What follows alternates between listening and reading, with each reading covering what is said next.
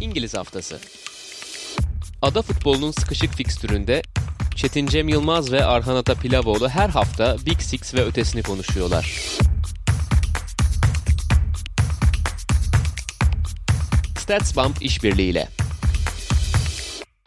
Sokrates Podcast'te hoş geldiniz. İngiliz haftasında sizlerle birlikteyiz. Ben Çetin Cem Yılmaz, Arhan Ata Pilavoğlu'yla dolu dolu hatta iki tane İngiliz Premier Lig haftasının üst üste geldiği günlerden geçiyoruz. Tabii ki meşhur Boxing Day fikstürü de yolda. Pek çok maç var sıralama bir anda alt üst oluyor birkaç gün yani tam bir hafta öncesine lider giren Tottenham şu anda kendisini ilk dördün de dışında buldu. Liverpool bir anda farkı açtı. Manchester United arayı kapattı, zirveye tutundu. Everton da aynı şekilde çok gerilerden geldi. Premier Lig'in oldukça hareketli günlerinden geçiyoruz dediğimiz gibi ve şimdi o günleri, o Premier Lig'in özellikle zirve yarışını masaya yatıracağız. Liverpool'dan başlayabiliriz. Hafta içerisinde Tottenham'ı çok kritik bir şekilde çok da son dakika golü dramatik bir sonuçla yendi Liverpool Tottenham'ı ve zirveyi aldı. Hemen arkasından da birkaç gün sonra Crystal Palace'ı 7 golle darmadağın ederek lige de biraz mesaj vermiş oldu. Şu anda Tottenham'ın 6 puan önünde. Manchester United en yakın takipçi gibi görünüyor maç eksiğinde katarsak. Fakat Liverpool bir anda kara bulutları dağıtmış gibi görünüyor. Ne dersin Arhan bu iki maç ve Liverpool'un son günlerdeki formu üzerine konuşarak başlayalım istersen.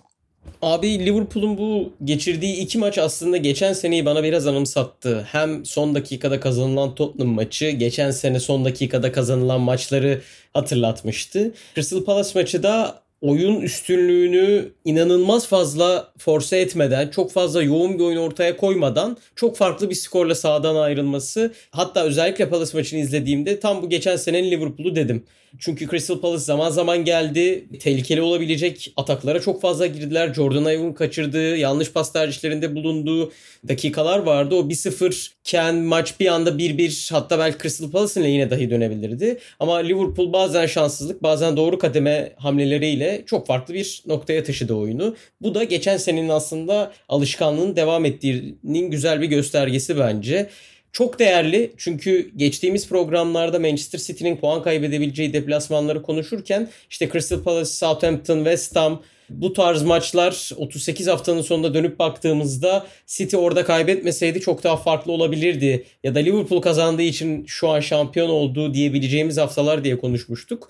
Liverpool o zorlu deplasmanlardan bir tanesini çok güzel bir şekilde atlattı. Ve yine benim dikkat etmek istediğim bir nokta var. Mesela Salah yedekteydi. Minamino bu sefer beklentilerin biraz altında kalan bir Minamino yükselip golle hatta iyi bir oyunla da taşlandırdı maçı. Bu Liverpool'un her zaman o söylediğimiz bütünün parçadan yüksek oyun gücünü iki maçta da gösterdiğine bence çok güzel bir örnek. Özellikle Tottenham maçında hani bazı anlar vardı. İki tane 15 dakika. Bir ilk yarının bir ikinci yarının 15 dakikası. Neredeyse o dev Tottenham duvarını vura vura vura kırmaya çalıştı. Ve sonunda 89'da Firmino ile kırdı. Evet o maç Liverpool adına çok dramatik bir geri geliş oldu aslında. Yani Mourinho'nun sözleriyle Tottenham daha net pozisyonlar buldu. Doğru yani bu XG ile de ortada ama bir yandan da Liverpool işte topla oynama anlamında rakip kalede baskı kurma anlamında çok daha dominanttı. Yani iki tarafında kendince tırnak içinde hak etme konusunda bir argümanı vardı ama sonuçta 3 puanı alan Liverpool oldu. Hani birkaç hafta önce Jose Mourinho Guardiola'nın işte topa oynama göndermesine işte onlar istedikleri kadar topla oynayabilirler ama biz 3 puanı eve götürdük demişti. Şu anda da öyle oldu Liverpool adına ve Liverpool Tottenham maçından sonra gerçekten hani arkasına bakmayacağını sinyalini Crystal Palace deplasmanında verdi. Crystal Palace'ı son yıllarda Liverpool yeniyor ama 2017'den önce Crystal Palace Liverpool'un böyle şey korkulu rüya takımıydı, kabus takımıydı. Hani her takımın böyle ters gelen takımı vardır ya özellikle büyük takımların hep takıldığı bir deplasman ya da işte bir şekilde zorlandığı bir rakip vardı. Liverpool için Crystal Palace oydu. Son yıllar hatta şu da dikkate değer. Liverpool Anfield'da yenen son takım da Crystal Palace hala. Liverpool'un meşhur 68 maçlık serisinin başladığı maç Crystal Palace maçının hemen sonrası. Ve bu anlamda Liverpool için hep gitmesi zor bir yerdir Selhurst Park. hem sert, tırnak içinde sıkıcı oynamayı bilen bir takım. Ve aynı zamanda çok iyi de kontra silahları var. İşte Eze olsun, Wilfred Zaha olsun çok formda bu sezon. Benteke gollere döndü. Dolayısıyla çok kolay bir takım değil. Ama Liverpool erken golün de yardımıyla maçı çok rahat kopardı diyebiliriz. Gerçi 1-0'dan sonra da oyuna geri dönme şansı vardı Crystal Palace'ın. Ama bir yerden sonra olay çok başka bir yere gitti ve Liverpool çok uzun zamandır göstermediği belki birkaç sezon önce daha fazla yaptığı o bol gollü işte rakibi paramparça ettiği 6-7 gollü galibiyetlerini anımsatan bir oyuna döndü. Geçen sezon da Liverpool çok rakipleri sürklase ediyordu tabii ki. Ama çoğu zaman maçlar işte 1-0, 2-0 şeklinde gidiyordu. 3'e 4'e de çıkıyordu ama böyle 6-7'ler çok sık olmuyordu Liverpool adına. Bu anlamda ön tarafın, yıldız oyuncuların hem iştahını hem de hani yeteneklerini gösterdikleri bir maç oldu. Hatta Mane'nin oyundan alınmasına bir isyanı vardı yaklaşık 55. dakikada falan oyundan alındı. Çünkü hissediyordu muhtemelen. Yani rakip havlu atmış durumda ve biz burada daha çok gol atabiliriz. Mane de haliyle bütün yıldızlar gibi gol sayısını arttırmak istiyordu. Kenara alındığında üzüldü. Salah'ın da buna benzer tepkileri geçmişte de oluyordu. Ki Salah da hemen girer girmez iki gol attı falan filan. Bu anlamda iştahı tüm takımın o arzusunu gösteren bir oyundu. Yani bir hafta önce Liverpool Fulham karşısında ne kadar kopuk oyuna girmekte işte geç kalmış, temposuz görünüyorduysa Crystal Palace deplasmanında da bunun tam tersi oldu. Yani bu anlamda işte bir haftada her şey değişebiliyor. Yani Liverpool için Fulham deplasmanında bırakılan 2 puan pek çok taraftar için belki ya işte olmayacak galiba hissiydi. Belki de hafta ortasında Tottenham karşısında yine puan bırakılsa böyle bir şey de olmayacaktı ama Liverpool orada gösterilen oyun 90 dakika boyunca oyunu bırakmaması ve 90. dakikada Firmino'nun golüyle kazanması Liverpool'da sanki bir eşiği daha atlattı. Hani bir switch atıldı yani. Ve onun üzerine Palace deplasmanında gelen farklı galibiyetle bir anda işin rengi gerçekten değişmiş oldu. İşin Tottenham tarafına daha sonra değiniriz aslında ama Liverpool'a dair bilmiyorum daha neler eklenebilir. Yani çok konuştuğumuz bir takım olduğu için bilmiyorum neler eklenebilir. Sadece çok fazla eksikler konuşuluyordu ve Liverpool'da şu anda her devreye giren oyuncudan verim alınabiliyor olması çok etkileyici görünüyor. Hala işte Reece Williams, Fabinho tandemiyle Tottenham maçına çıkıldı ve ligin en korkutucu görünen hücum hattına karşı iyi durdu özellikle Reece Williams. Diğer taraftan işte bahsettiğim gibi Minamino devreye giriyor ve gol buluyor. Ve Liverpool çok çok kritik virajlardan iyi bir şekilde çıkmış görünüyor. Şu andan sonra önlerindeki iki maçta kazanılabilecek maçlar. Ve haliyle Liverpool o Noel serisinden kayda değer bir farkla arayı da açarak sıyrılma, hani birazcık daha rahatlama, rakipleriyle arasında tampon koyma şansıyla da karşı karşıya. Aynen öyle abi. Gerçekten bahsettin sen de. Premier Lig öyle bir lig ki hani evet belki Manchester City ve Liverpool dominasyonundan sonra insanların algısı biraz değişmişti rekabetçiliğe. Fakat tekrardan bu sezon o birkaç farklı takımla liderlik yarışının devreye girmesi bir haftada ne kadar çok şeyin özellikle işte bu Boxing Day dediğimiz kış aylarında bazı şeylerin nasıl anında değişebileceğine çok güzel örnekti. Yani belki Tottenham o son dakikada golü yemese ve bugün kazansa aynı puanda olacak iki takım bir anda aralarında 6 puanlık bir farka dönüştü. Evet 6 puan hala kapatılmayacak bir fark değil. Ama psikolojik üstünlük şu an tamamen Liverpool'da. Bu bence çok değerli. Geçen sene de Leicester'la bu zamanlarda rekabet halindeydi. Yine bir Big Six takımıyla rekabet etmiyor puan durumunda. Bence bu dahi Jurgen Klopp'un dönüp baktığında psikolojik üstünlük olarak elinde olan bir şey. Bunu kullanacaklardır elbette. Aynı zamanda dediğin gibi öyle bir sistem var ki şu an Liverpool'da bir makine sistemi gerçekten. Oraya gidip Henderson'ı da koysanız ne alacağınızı biliyorsunuz. Keita'yı da koysanız ne alacağınızı biliyorsunuz. Ve takım Henderson'ın olduğu yapıya da, Keita'nın olduğu yapıya da, Salah'ın olduğu yapıya da, olmadığı yapıya da sanki yıllardır çalışıyormuşçasına bir reaksiyon verebiliyor. Keita giriyor, hatlar arasında koşu atıyor. Öyle bir oyun size sunuyor. Fabinho stopere geçtiği için Henderson bir anda savunmayı üçleyerek oyun kurulumuna yardımcı oluyor. Oradan farklı bir oyun çıkıyor. Bu daha önceki programlarda da söylediğimiz için çok fazla tekrara düşmek istemiyorum ama hangi Premier Lig takımında bu kadar fazla eksik demeyeyim de bu kadar fazla kombinasyonla bu kadar fazla aynı seviyede kalınabilir? Ondan gerçekten hala emin değilim.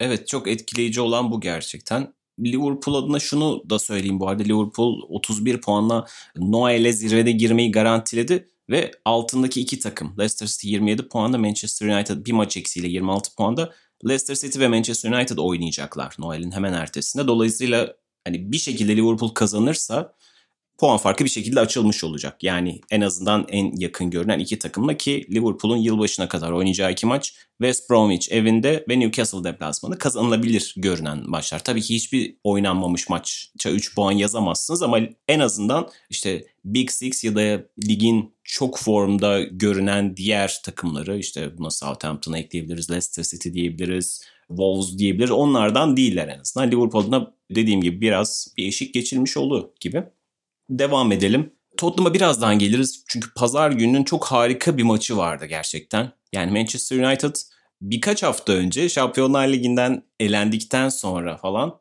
bir krizin içerisinde bulmuş gibiydi kendini. Yani yine Solskjaer'in günleri sayılıydı, işte kovulacaktı falan filan. Bir anda kendisini maç eksiğiyle ligin 3. sırasında buldu ki o maçı kazanırsa da Liverpool'un 2 puan gerisine geldiği hesap edilebilir. Yine bu her zaman dediğim gibi oynanmamış maça puan veremezsiniz. Dolayısıyla şu an 13 maçta 26 puan ama bakınca bir galibiyet en azından yenilmezlik serisi söz konusu ve Leeds United karşısında da harika bir oyunla alınmış bir 6-2'lik galibiyet söz konusu. Aslında burada sadece 6-2'lik oyuna bakarak böyle hani çok ezici bir üstünlükten bahsetmek istemiyorum ben. Çünkü iki tarafında varını yoğunu ortaya koyduğu müthiş bir maçtı. Manchester United tabii ki hak ederek kazandı fakat çok olağanüstü bir hücum futbolu gösterisiydi. Bielsa'nın Leeds United'ın da zaten buna çok alışkınız artık ve iki tarafında hiç arkaya bakmadı, sürekli ileri gittiği, bol bol fırsat yakaladı. Toplam 23 korner kullan, 24 bu arada, 13-11 kullanılan inanılmaz bir maç. Hani bazen bu kadar yüksek bir korner sayısını bilmiyorum. Ben çok hatırlamıyorum. Her anlamda heyecan verici bir maçtı. Sen nasıl buldun? Önce yani maçı da konuşabiliriz aslında. Manchester United'ı da konuşabiliriz ama dediğim gibi çok müthiş keyif veren bir maç oldu benim adıma. Aynen öyle abi. Yani aslında Old Trafford'da erken dakikalarda sonuçlanan maçlara biraz alıştık. Özellikle işte 6 birlik Tottenham maçı da benzerdi. Bir televizyonun karşısından kalkıp gitseniz tamamen bambaşka bir sahneyle geri dönebiliyordunuz. Leeds karşılaşması ya bazı takımlara karşı onların silahıyla onlara saldırmak size sonuç verebiliyor. Hani her zaman bu kullandığımız 2010'da Inter Barcelona karşılaşması bu söylediğimin tam tersi.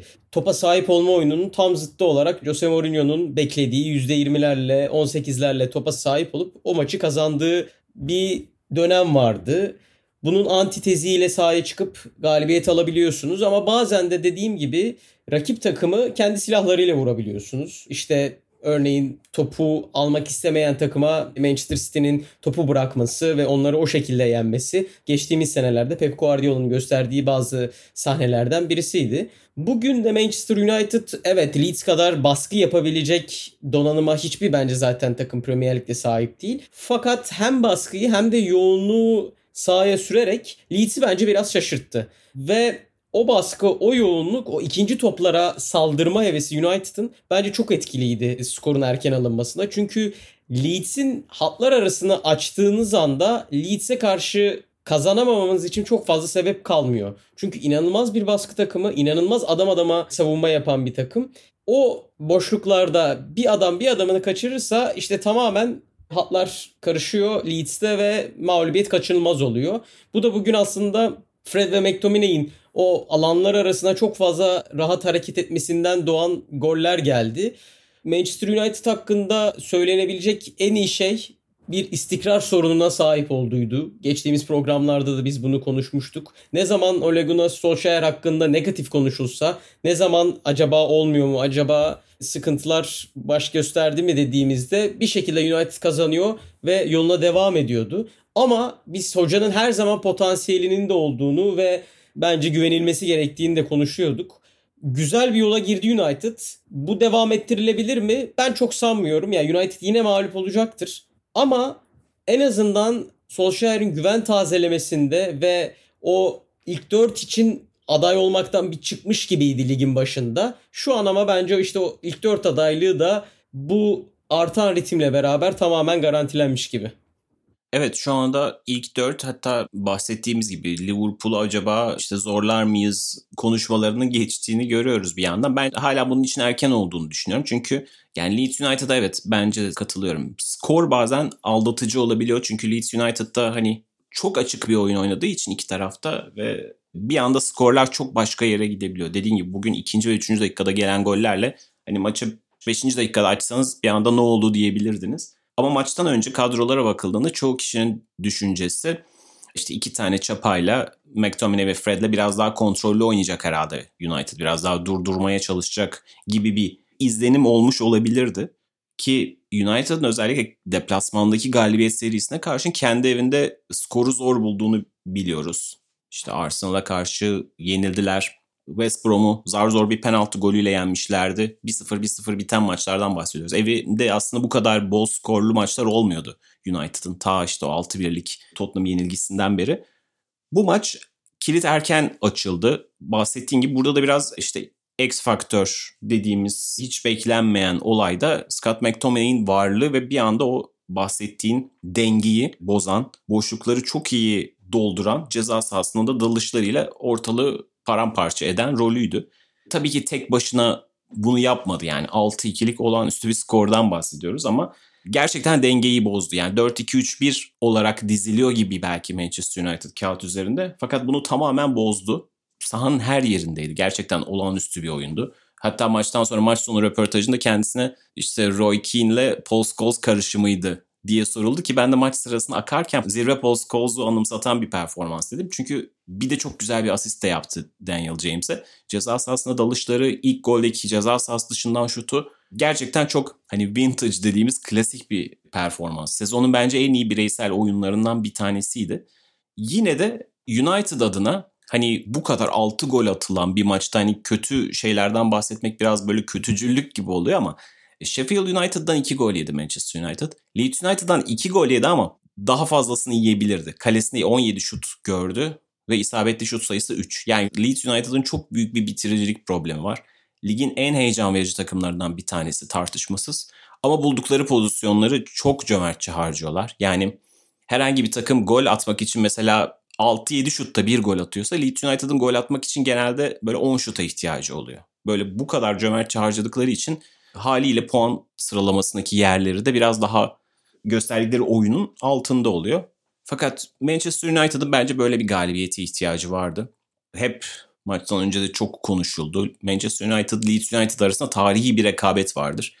United için evet Liverpool rekabeti, kendi şehrindeki Manchester City rekabeti özeldir. Fakat çok tarihi iki şehrin, iki bölgenin rekabetine dayalı olan Manchester United, Leeds United'dan ayrı bir yere sahiptir iki kulüp için. Ki 1992'de meşhur Premier Lig öncesinde daha doğrusu Premier Lig öncesi son şampiyonluğu diyelim. Leeds United'ın Eric Cantona ile kazanması, daha sonra Eric Cantona'nın da Manchester United'a gelmesi bütün Premier Lig tarihinin gidişatını değiştiren hamlelerden de bir tanesidir. Böyle de bir hikayeli bir durum da vardır. İki kulüp arasında da çok kritik pek çok daha transfer vardır işte buna. Alan Smith de eklenebilir, Rio Ferdinand da eklenebilir falan. Ve bütün bunların üzerine bugün 6-2'lik önemli bir rakip karşısında ligde de bir anda 3-4 sıra kendini yükseltecek bir galibiyet alması United müthiş bir iş oldu. Ama hala United herhangi bir takıma karşı bu kadar acayip bir hücum performansı sergilemeyebilir. United için tam isteyeceği şekilde bir rakipti. Bugün Gary Lineker de öyle bir tweet attı. Leeds United izlemesi çok eğlenceli bir takım ama karşısında oynaması daha eğlenceli dedi. Yani gerçekten verdikleri alanlar birazcık buna işaret ediyor. Tabii belki şu anda şey konuşması da döndü. Bielsa acaba işte performans biraz daha masaraya yatırılıyor. Biraz Premier Lig'de çok fazla sonuç odaklı bir yaklaşım var. Hep anlatılar sonuçlar üzerinden kuruluyor. Şu anda acaba Bielsa fazla mı naif gibi sorular yöneltilmeye başlandı. Benim bu konuda bir cevabım var ama sana sormak istiyorum. Şu anda mesela Leeds United Bielsa yaklaşımı fazla mı naif kalıyor? Bu Premier Lig'de hayatta kalmak için acaba doğru yaklaşım değil mi? Ne düşünüyorsun Bielsa ve Leeds'e dair? Yani açıkçası söylemek gerekirse abi Nuno Espirito Santo Championship'ten Premier Lig'e çıkmadan önce Championship'e kendi oyunumu nasıl empoze edebileceğimi düşüneceğim. Championship'e göre kendimi ayarlamayacağım demişti.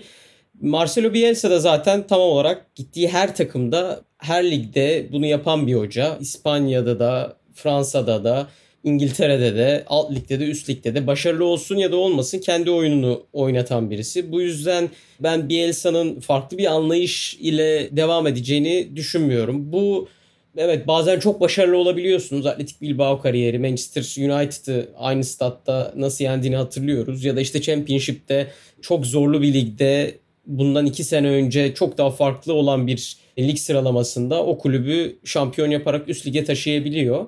Ama bazen de işler çok kötü gidebiliyor. Yani Fransa'da Lille'deki durumunu hatırlıyoruz. Lazio'da hemen ayrıldığını hatırlıyoruz. Bu yüzden ben Marcelo Bielsa'nın bazı şeyleri değiştireceğini düşünmüyorum. Bu ona sahip olduğunuzda alışmanız gereken bir durum. Yani çok iyi de gidebilirsiniz. Ki bu zaten Championship'te ilk senesini hatırlayacaksın sen de abi. Yani bazı dönemler 5 maç üst üste mağlup oluyordu. Sonraki 5 maçta da galip geliyordu. Yani aslında tam özeti şeklinde ilerliyordu süreç.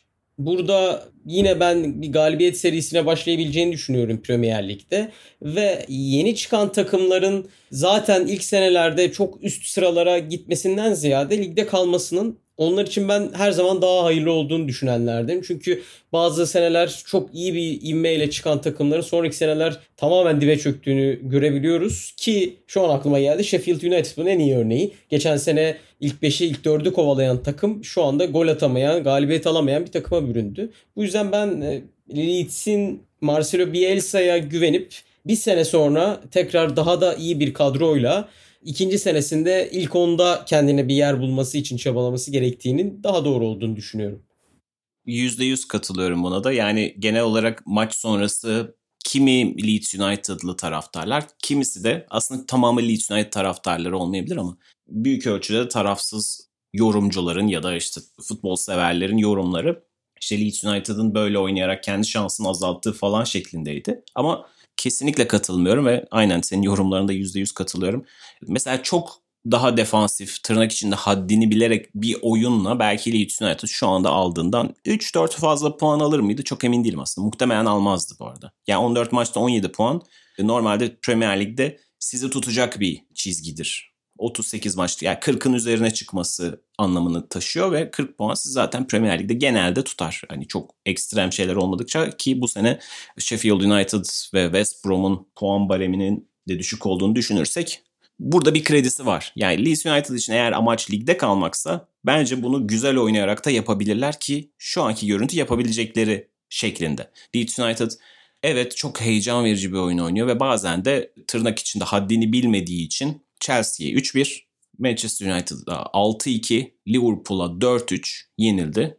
Bir de belki direkt rakibi sayılabilecek takımlardan Crystal Palace'tan da 5 yedi. Ama diğer taraftan West Ham'a da 3 attılar, Aston Villa'ya da 3 attılar ve hafta içerisinde Newcastle'a da 5 attılar. Yani bunu da yapabilen bir takım. Dolayısıyla Newcastle, e, Leeds United özür dilerim. Zaten böyle yaşayan bir takım. Yani şimdi siz Liverpool'a 90 dakika kapanarak da yenilebilirsiniz. Çok büyük ihtimalle yenilirsiniz. Manchester United için de söz konusu bu. Fakat bu oyun kimliğini sahaya yansıtmak çok daha değerli bence de. Evet bazen arada bir bir puan alırsınız 0-0. Mesela West Brom'un Manchester City'ye karşı yaptığı gibi pardon 1-1 bitti o maç. Tamamen kapanarak şansınıza ve rakip forvetlerin işte birazcık formsuzluğuna güvenerek 3'ün üzerinde XG üretir belki ama bir gün o maçtan puan çıkartırsınız ama onun gibi oynadığınız 5-6 maçtan da City'nin ya da Liverpool'un defalarca yaptığı gibi 5-6 gollü de yenilebilirsiniz. O negatif futbolun size getireceği şey de bellidir. Leeds United çok özel bir şey yapıyor. Yani Bielsa tamamen Championship oyuncularıyla, resmen Championship oyuncularıyla şu anda ligin en heyecan verici oyununu oynayan takımlardan bir tanesi. Ve işte bugün West Bromwich'in başında ilk maçına çıkan Sam Allardyce gibi topu tamamen rakibe verdiği, işte tamamen defansif bir anlayışla Leeds United bundan çok daha fazlasını kazanabilir mi? Hiç zannetmiyorum. Ama en azından uzun vadede dediğin gibi önce kalıcı olarak sonra haliyle bütçeleri arttıkça buraya birkaç tane daha iyi parça ekleyerek daha iyi yerlere gelecek bir yapı çok daha iyi olur. Evet Marcelo Bielsa ile bazen kimyanın tutmadığı yerler oldu. Ama çok uzun zamandır en çok uyduğu yerde Yani umarım bu evlilik bozulmaz. Bence Premier Lig'e dair çok heyecan verici şeylerden bir tanesi. Premier Lig'e çok büyük değer katıyor ve yani bugün onun naif olduğu için eleştirenler de bol bol Big Sam maçı izleyebilirler. West Bromwich'in başına geldi. O zaman daha iyi karşılaştırma fırsatı bulabilirler diye düşünüyorum. Biraz düşme muhabbeti, alt sıraları konuştuk ve normalde buralarla hiç alakası olmayan, hiç tahmin etmeyeceğimiz bir takım da tam düşme potasının hemen üstünde bulunuyor.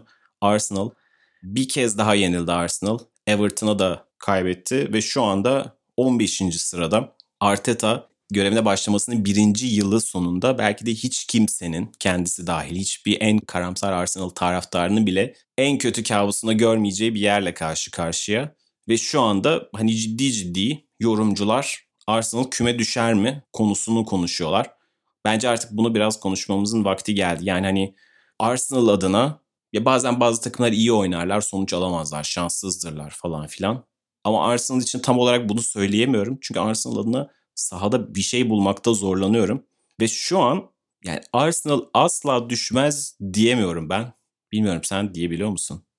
Ben abi düşmez diyebiliyorum. Yani biraz zor geliyor bana. Hani büyük takımların özellikle Premier Lig'de o tarz şeylerin olması bana biraz zor geliyor ama hani bahsetmiştik geçen haftalarda Arsenal nereye kadar Arteta'ya sabredecek diye. Sanırım o sabır artık son damlalarına yaklaşmış durumda. Çünkü Southampton ve Everton maçından 0 puan çıkartabilir diyorduk. 1 puan çıkardı. Şimdiki fikstüründe de Chelsea ve Brighton'la karşılaşacaklar. Buradan da 0 puan çıkartabilir mi? Evet çıkartabilir. Çünkü oyun gerçekten ilerlemiyor. Gerçekten farklı şeyler olmuyor. Yani genel olarak biz birinci hafta demeyeyim de işler sıkıntıya girdiği günlerde ne konuşuyorsak aynı şeyleri konuşmaya devam ediyoruz. Bu yüzden aslında gerçekten kendimi tekrarlamış olacağım.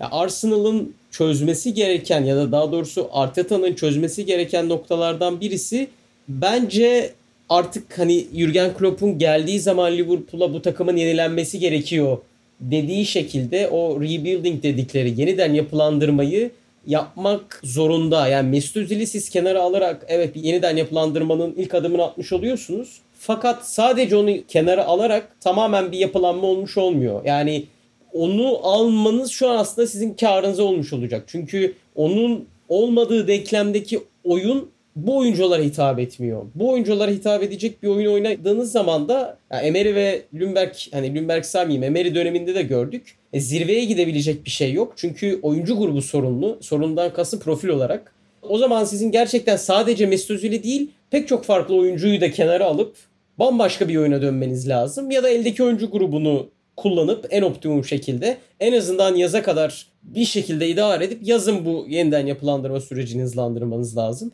Arteta şu an bu ikisini de yapmıyor. Ne yeniden yapılandırma için tamamen farklı şeyler deniyor. Hala pek çok insanın eleştirdiği, medyanın eleştirdiği ya da eleştirmesine gerek yok. Düşük performans gösterdiği oyuncularla oynuyor.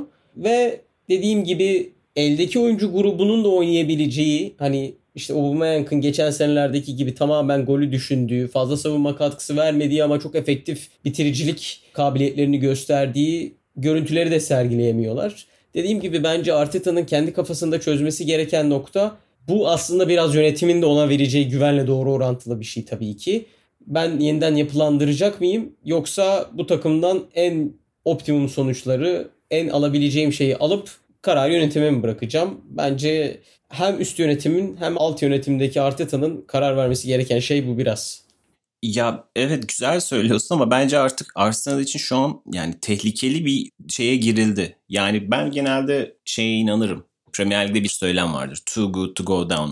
Bazı takımlar düşmek için fazla iyidir. Şimdi ben Arsenal için fazla iyi diyemiyorum yani. O düşme korkusunu yaşamayacak kadar iyiler diyemiyorum kadroya ve ortadaki oyuna özellikle baktığımda. Yani büyük takımlardan bunu yaşayan kim olmuştu diye hatırlamaya çalışıyorum. 2010-11 sezonunda Roy Hodgson ilk geldiği haftalarda da Liverpool'u küme düşme potasına sokmuştu. Ama bir 7. 8. haftaydı sonra da kovuldu zaten. Ama mesela o kadroda da bir dolu iyi parça vardı zaten. Gerrard vardı en basitinden.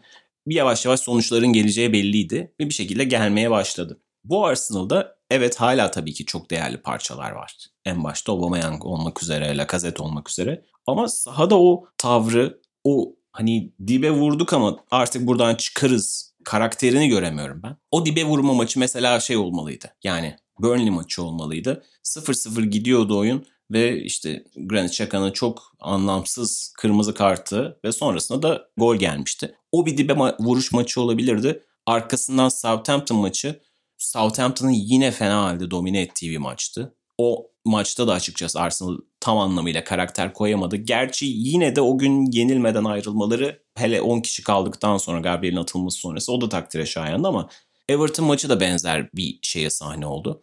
2-1 yeride girdiler devreye ve yani devre arasında da hiç bu takım ikinci yarı gelir, varın yoğunu ortaya koyar, bu golü atar ve maçtan en azından bir puan alır hissini hiçbir şekilde vermiyordu. Sonra oynanan ikinci yarı da aynen bu beklentileri karşıladı.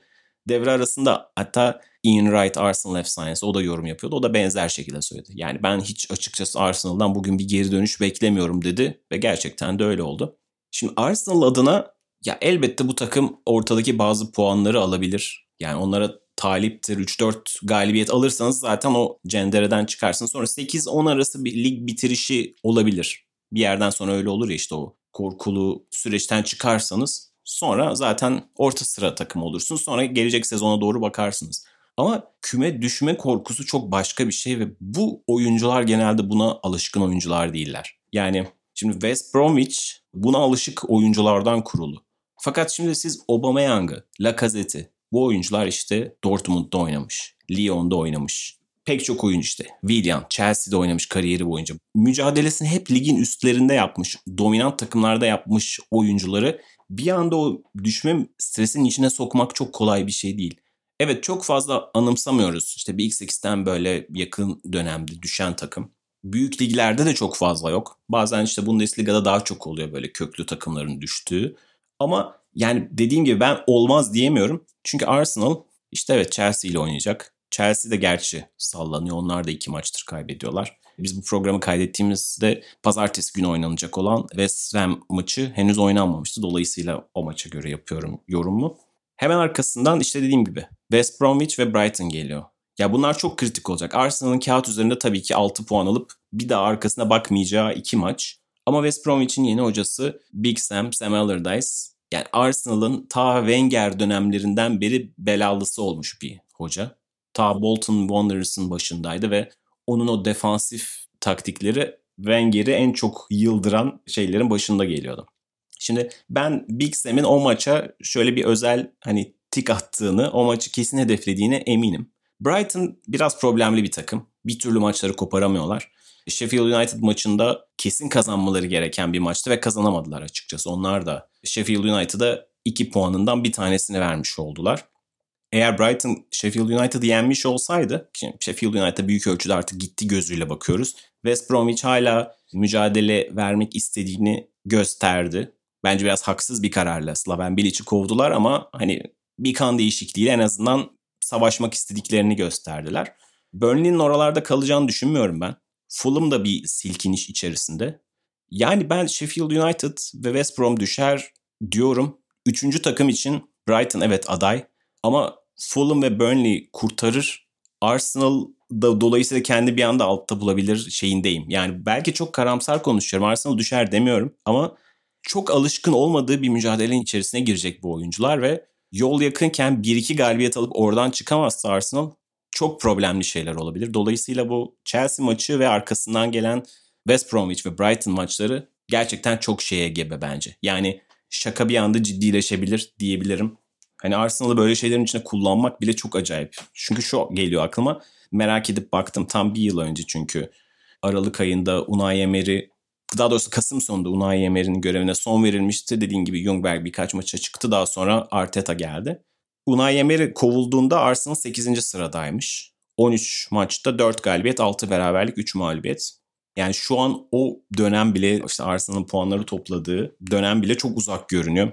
Bir sene içerisinde evet alınmış iki tane kupa var. Ama bir yandan da gelinen nokta çok üzücü ve düşündürücü İngiltere'nin en büyük takımlarından bir tanesi için. Kesinlikle öyle abi. Sen şimdi söyledikten sonra Brighton'a baktım. Hani genellikle gol beklentisi gollerinin altında kalan bir takımdır. Hani uzun vadede o takımın altlardan çıkıp daha çok gol atacağını varsayarsınız. Statsbomb'dan aldığım verileri paylaşayım hemen. Örneğin Leicester City çok golcü bir takım. 2 gol attılar Tottenham'a karşı. 26 gol 14 XG'den çıkarmışlar. Southampton 25 golü yine 13.82 gol beklentisinden çıkarmış. Brighton yine çok benzer 13.60 gol beklentisinden 15 gol çıkartabilmiş. Hem altında kalmış hem de benzer gol beklentileri çıkartan takımların çok çok gerisinde bunu yapmış. Arsenal mesela 14 gol beklentisinden 12 çıkarmış. Bu da geçen sene Aubameyang'ın gol krallığı yarışında en zirveye oynarken ne kadar bitirici, ne kadar öldürücü olduğunun ama bu sene bazı şeylerin hem yapısal hem de oyuncu bazlı gerilediğine yine bence güzel bir örnek. Evet kesinlikle. Bu arada Everton'da tabii ki hakkını vermek gerekiyor. Carlo Ancelotti inanılmaz bir iş yapıyor. Yani sürekli Liverpool'un eksiklerinden bahsediyoruz ama Everton da gerçekten çok kritik eksiklerine rağmen inanılmaz zor bir periyoddan 9 puanla çıktıklarının hakkını verelim. Chelsea'yi yendiler, Leicester City'yi yendiler, üzerine Arsenal'ı yendiler ve lige çok iyi başlamışlardı. Sonra bir duvara çarpmış gibi oldular. Üst üste puan kayıpları 4-5 hafta. Fakat tekrar işte James Rodriguez'siz, Alansız ki bu senenin en önemli 3 transferinden ikisiydi. Buna rağmen çok kritik puanları toplamaya devam ediyorlar. Calvert-Lewin hala formda. Richarlison da devreye giriyor. Doucouré özellikle müthiş bir oyun oynuyor. Yani hakkını vermek gerekiyor. Don Carlo gerçekten Premier Lig'e ne kadar değer katan bir hoca olduğunu ve mesela sene başında iddiasını da sene başındaki iddiasını hatırlarsak Şampiyonlar Ligi'nde Avrupa Ligi'nde oynaması gereken bir takım olduğunu söylüyordu Everton'ın bu bütçelerle ve ilk başta herkes biraz burun kıvırmıştı. Fakat şu anda bu altı, iddianın da altını doldurduğunu gösteriyor. Hakkını vermek gerekiyor Everton'ın performansının da. Doğal sayılar. Bu haftaki doğal sayımız 4. StatsBomb'dan aldığım verilere göre Tanguy Endombele'nin ortalama maç başı driblingine tekabül ediyor bu sayı. Biz geçtiğimiz haftalarda Tottenham'ın orta saha üçlüsünün birbirinden ne kadar farklı işleri birbirine ne kadar uyumlu şekilde yaptığından bahsediyorduk. Musa Sissoko'nun savunma özelliklerinden, Höyberg'in savunma önündeki oyun kurulumu ve geri kalan Mourinho'nun deyimiyle tüm pis işleri yapmasından ve Endombele'nin sıkışan alanlarda dribbling becerisiyle birinci bölgeden topu ikinci bölgeye nasıl taşıdığını konuşmuştuk. Endombele bu iki maçtır forma giymiyor. Yani daha doğrusu ilk 11 başlamıyor öyle söyleyeyim. Liverpool ve Leicester maçında. Ve Liverpool maçında bence Tottenham onun eksikliğini çok fazla hissetti. Çünkü Liverpool belli dakikalarda, belli 15 dakikalarda o kadar fazla yoğunluk koydu ki sahaya. Harry Kane ve Son hani çift forvet oynatmasına rağmen Mourinho onları çok fazla geriye gelmek zorunda kaldı. Ki Son'un aslında kanatta değil de forvette oynamasının sebebi daha fazla mesafe kat etmemesiydi. Kontra ataklarda rakip kaleye daha yakın olmasıydı. Fakat o yoğunluk Harry Kane'in kendi yarı sahasından top çıkarmasına keza Son'un aynı şekilde kendi yarı sahasından alıp hani Puşkaş ödülünü kazandığı goller atacak kıvama gelmesine neden oldu mesafe açısından söylüyorum. İşte oralarda evet Lo Celso pas yüzdesi ve pas kalitesi çok iyi bir oyuncu. Yaptığı asist de mükemmel bir asisti sona. Kimse ne olduğunu anlayamamıştı hatta. Fakat Endombele bu oyun yapısına Lo Celso'dan biraz daha fazla uyan bir isim bence. Çünkü o sıkışık alanlarda dribbling becerisiyle çıkıp ikinci bölgeden üçüncü bölgeye ve en önemlisi işte birinci bölgeden ikinci bölgeye o taşımaları yapması Tottenham'ın ve Mourinho'nun elini çok fazla rahatlatıyordu. Ne zaman baskı yese bir top alıp bir anda farklı şekilde Endombele bir adam eksiltip ya da topu Lo Celso'ya nazaran daha hızlı şekilde kat ettiği için o sıkışık alanlardan çıkabiliyordu. Baktım açtım Liverpool maçında toplamda 10 tane dribbling yapmış Tottenham ama maç ortalaması, lig ortalaması 15. Yani aslında Endombele'nin o eksikliği tamamen rakamsal olarak da yansımış maça. Çünkü onu idame ettirecek, onun görevlerini idame ettirecek birisini bulamamıştı zaten Tottenham maç içerisinde. E, tabii ki personelde de o kadar fazla dribbling yapabilecek bir orta saha oyuncusu yok. Harry Winks öyle bir oyuncu değil, Lo Celso öyle bir oyuncu değil. O yüzden ben bu alınan iki mağlubiyette de evet belki Endombele olsa da kaybedilebilecek iki maçtı. Ama uzun vadede Endombele'nin bu sıkışık alanlarda kalan Tottenham için çok etkili bir çözüm silahı olduğunu düşünüyorum. Evet Şöyle sadece 8 gün öncesinde Tottenham'ın geldiği noktadan şu anki noktaya bakarsak bir anda tepe taklak bir durum söz konusu gibi. Bunu da şüphesiz masaya yatırmak gerekiyor. Bu anlamda dikkate değer sayılar bunlar. Tekrar şöyle bakmak gerekirse Tottenham 24 puanla lig lideriydi. Daha sonra Crystal Palace karşısında alınan bir puan var. Liverpool'un değerlendiremedi Fulham'ı yenemeyerek. Daha sonra Liverpool Tottenham'ı yendi. Tottenham bir de üzerine Leicester City'ye de kaybetti. Ve bir anda kendisini 5. sırada buldu ki yine bahsettiğim eğer Chelsea bu programı dinlediğiniz sırada West Ham karşısında 3 puan almışsa ilk 5'ten de düşmüş olacak. Bir anda kendisini 6. sırada bulmuş olacak. E tabii ki hala ligin o sıraları birbirine çok yakın. Hala her şey değişebiliyor. Yani iki galibiyetle bir anda 10. sıradan 3. sıraya 2. sıraya fırlayabiliyorsunuz. Doğru. Dolayısıyla çok büyük çıkarımlar yapmaya da çok nasıl denir? Çok doğru olmayabilir. Ama Tottenham'ın oyununda dikkat çekici birkaç parça var gibi geliyor. Bu anlamda ben de Statsbomb'dan XG verileriyle, gol beklentisi verileriyle göz testini doğrulamaya çalıştım. Testim şuydu. Spurs ta Manchester City maçından beri aslında oynadığı oyunun karşılığı olan gol beklentisinden fazla üretiyor ve fazla puan alıyor. Dolayısıyla hep konuştuğumuz gibi gol beklentisinde bir yerden sonra dengelenir. Sürekli olarak gol beklentinizin üzerinde atamazsınız ya da sürekli olarak gol beklentinizin üzeri altında ayrılamazsınız maçlardan.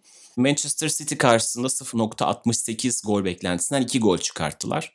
Chelsea karşısında 0.17 gol beklentisi. Evet atamadılar ama Chelsea'nin de 1'e oldukça yakın bir gol beklentisi vardı. O maçı 0-0'la puanla ayrılmayı başardılar. Arsenal karşısında 0.48 gol beklentisinden 2 gol çıkarttılar ve Arsenal yine yakındı. Bu 3 maçta da rakipleri daha fazla gol beklentisi olmasına karşın bu maçlardan 7 puan çıkartmayı başardı Spurs. Sonra trend biraz tersine dönmeye başladı. Crystal Palace karşısında 1.09 gol beklentisinden 1 gol çıkarttılar. Ve Crystal Palace'ın da gol beklentisi yine Spurs'dan yüksek olmasına karşın 1-1 bitti. Liverpool maçında 1.29'dan bir gol çıktı. Ve o maç kapalı bir maçtı ama evet net pozisyonların daha fazla Tottenham lehine olduğu. Özellikle Bergwijn'ın kaçırdığı iki pozisyonla ve Harry Kane'in kafasıyla Spurs lehine dönme ihtimali olan bir maçtı. Fakat dönmedi. Ama işte her zaman işte böyle 0.35 XG'den 2 gol çıkartmayı bekleyemezsiniz. Yani bu birkaç haftadır Heung-min Son ve Harry Kane'in olağan dışı, gerçekten dünya dışı gole çevirme performanslarıyla gölgelenen bir şeyler vardı.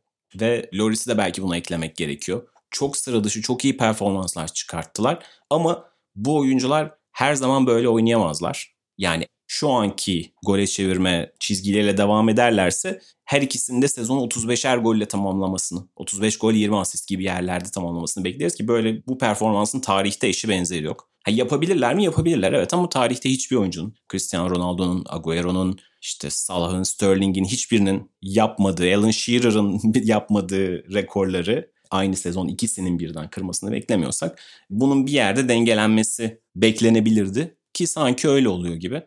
Tottenham birazcık tırnak içinde overperform etmişti. Şu an yavaş yavaş normale geliyor diye hissediyorum. Yavaş yavaş tabii ki olacak. Premier Lig'in hala üçte biri geride kaldı ve gidilecek çok yol var. Dolayısıyla Jose Mourinho'nun şu andan sonraki mücadelesi de herhalde tekrar birkaç hafta önce olduğu ligin zirvesine mümkün olduğu kadar yaklaşmak hatta tekrar devralmak olacak. Bu da sezonun ilginç hikayelerinden bir tanesi olacak şüphesiz. Günlerin köpüğü. Günlerin köpüğünde bu hafta Gerard Houllier olacak. Bu sene özellikle son birkaç ayda çok önemli, çok değerli futbol adamlarını arka arkaya kaybettik. Diego Armando Maradona'dan sonra Paolo Rossi de hemen ertesi hafta aramızdan ayrılmıştı. Geçtiğimiz hafta biz yayına girdikten sonra pazartesi günü açıklandı Gerard Houlier'in ölümü. Dolayısıyla bu programa kalmış oldu. Kendisinden birazcık bahsetmek istiyorum açıkçası. Premier Lig'de Liverpool için çok kritik öneme sahiptir. Belki yeni kuşak için 60'ların 70'lerin 80'lerin Liverpool efsaneleriyle Jurgen Klopp arasındaki dönem belki yeterince bilinmiyor olabilir. İşte Bob Paisley, Bill Shankly ve Joe Fagan Liverpool'un efsane üçlüsüdür. 90'larda tabii ki Roy Evans yılları var ve hemen arkasından Gerard Houllier geliyor. Fakat Gerard Houllier bugün belki Rafael Benitez ve Jurgen Klopp kadar hatırlanmasa da Liverpool'u gerçekten modern çağa taşıyan hoca olarak biliniyor. Bunu 1990'larda Premier Lig'in, İngiliz futbolunun geçirdiği büyük değişim bir anda Manchester United ve Arsenal'ı çok öne atmıştı. Arsene Wenger'in nasıl işte oyuncu diyetleri, antrenman programları ve Alex Ferguson'ın da benzer şekilde oyuncu yönetimine gösterdiği özel ilgi ve bu iki kulübün profesyonel yönetilmesi bir anda bu iki kulübü dönemin powerhouse'ları, güç odakları haline getirdi. Liverpool ise biraz daha köhne bir yapıydı. 1980'lerdeki başarılı yıllardan bir türlü o modern futbola, endüstriyel futbola geçemiyordu. Gerard Houllier 1998'den itibaren göreve gelmesiyle beraber bunu yenilemeye başlayan hoca oldu. Kendisinin işte Fransız milli takımında görevleri sayesinde bu göreve getirilmişti.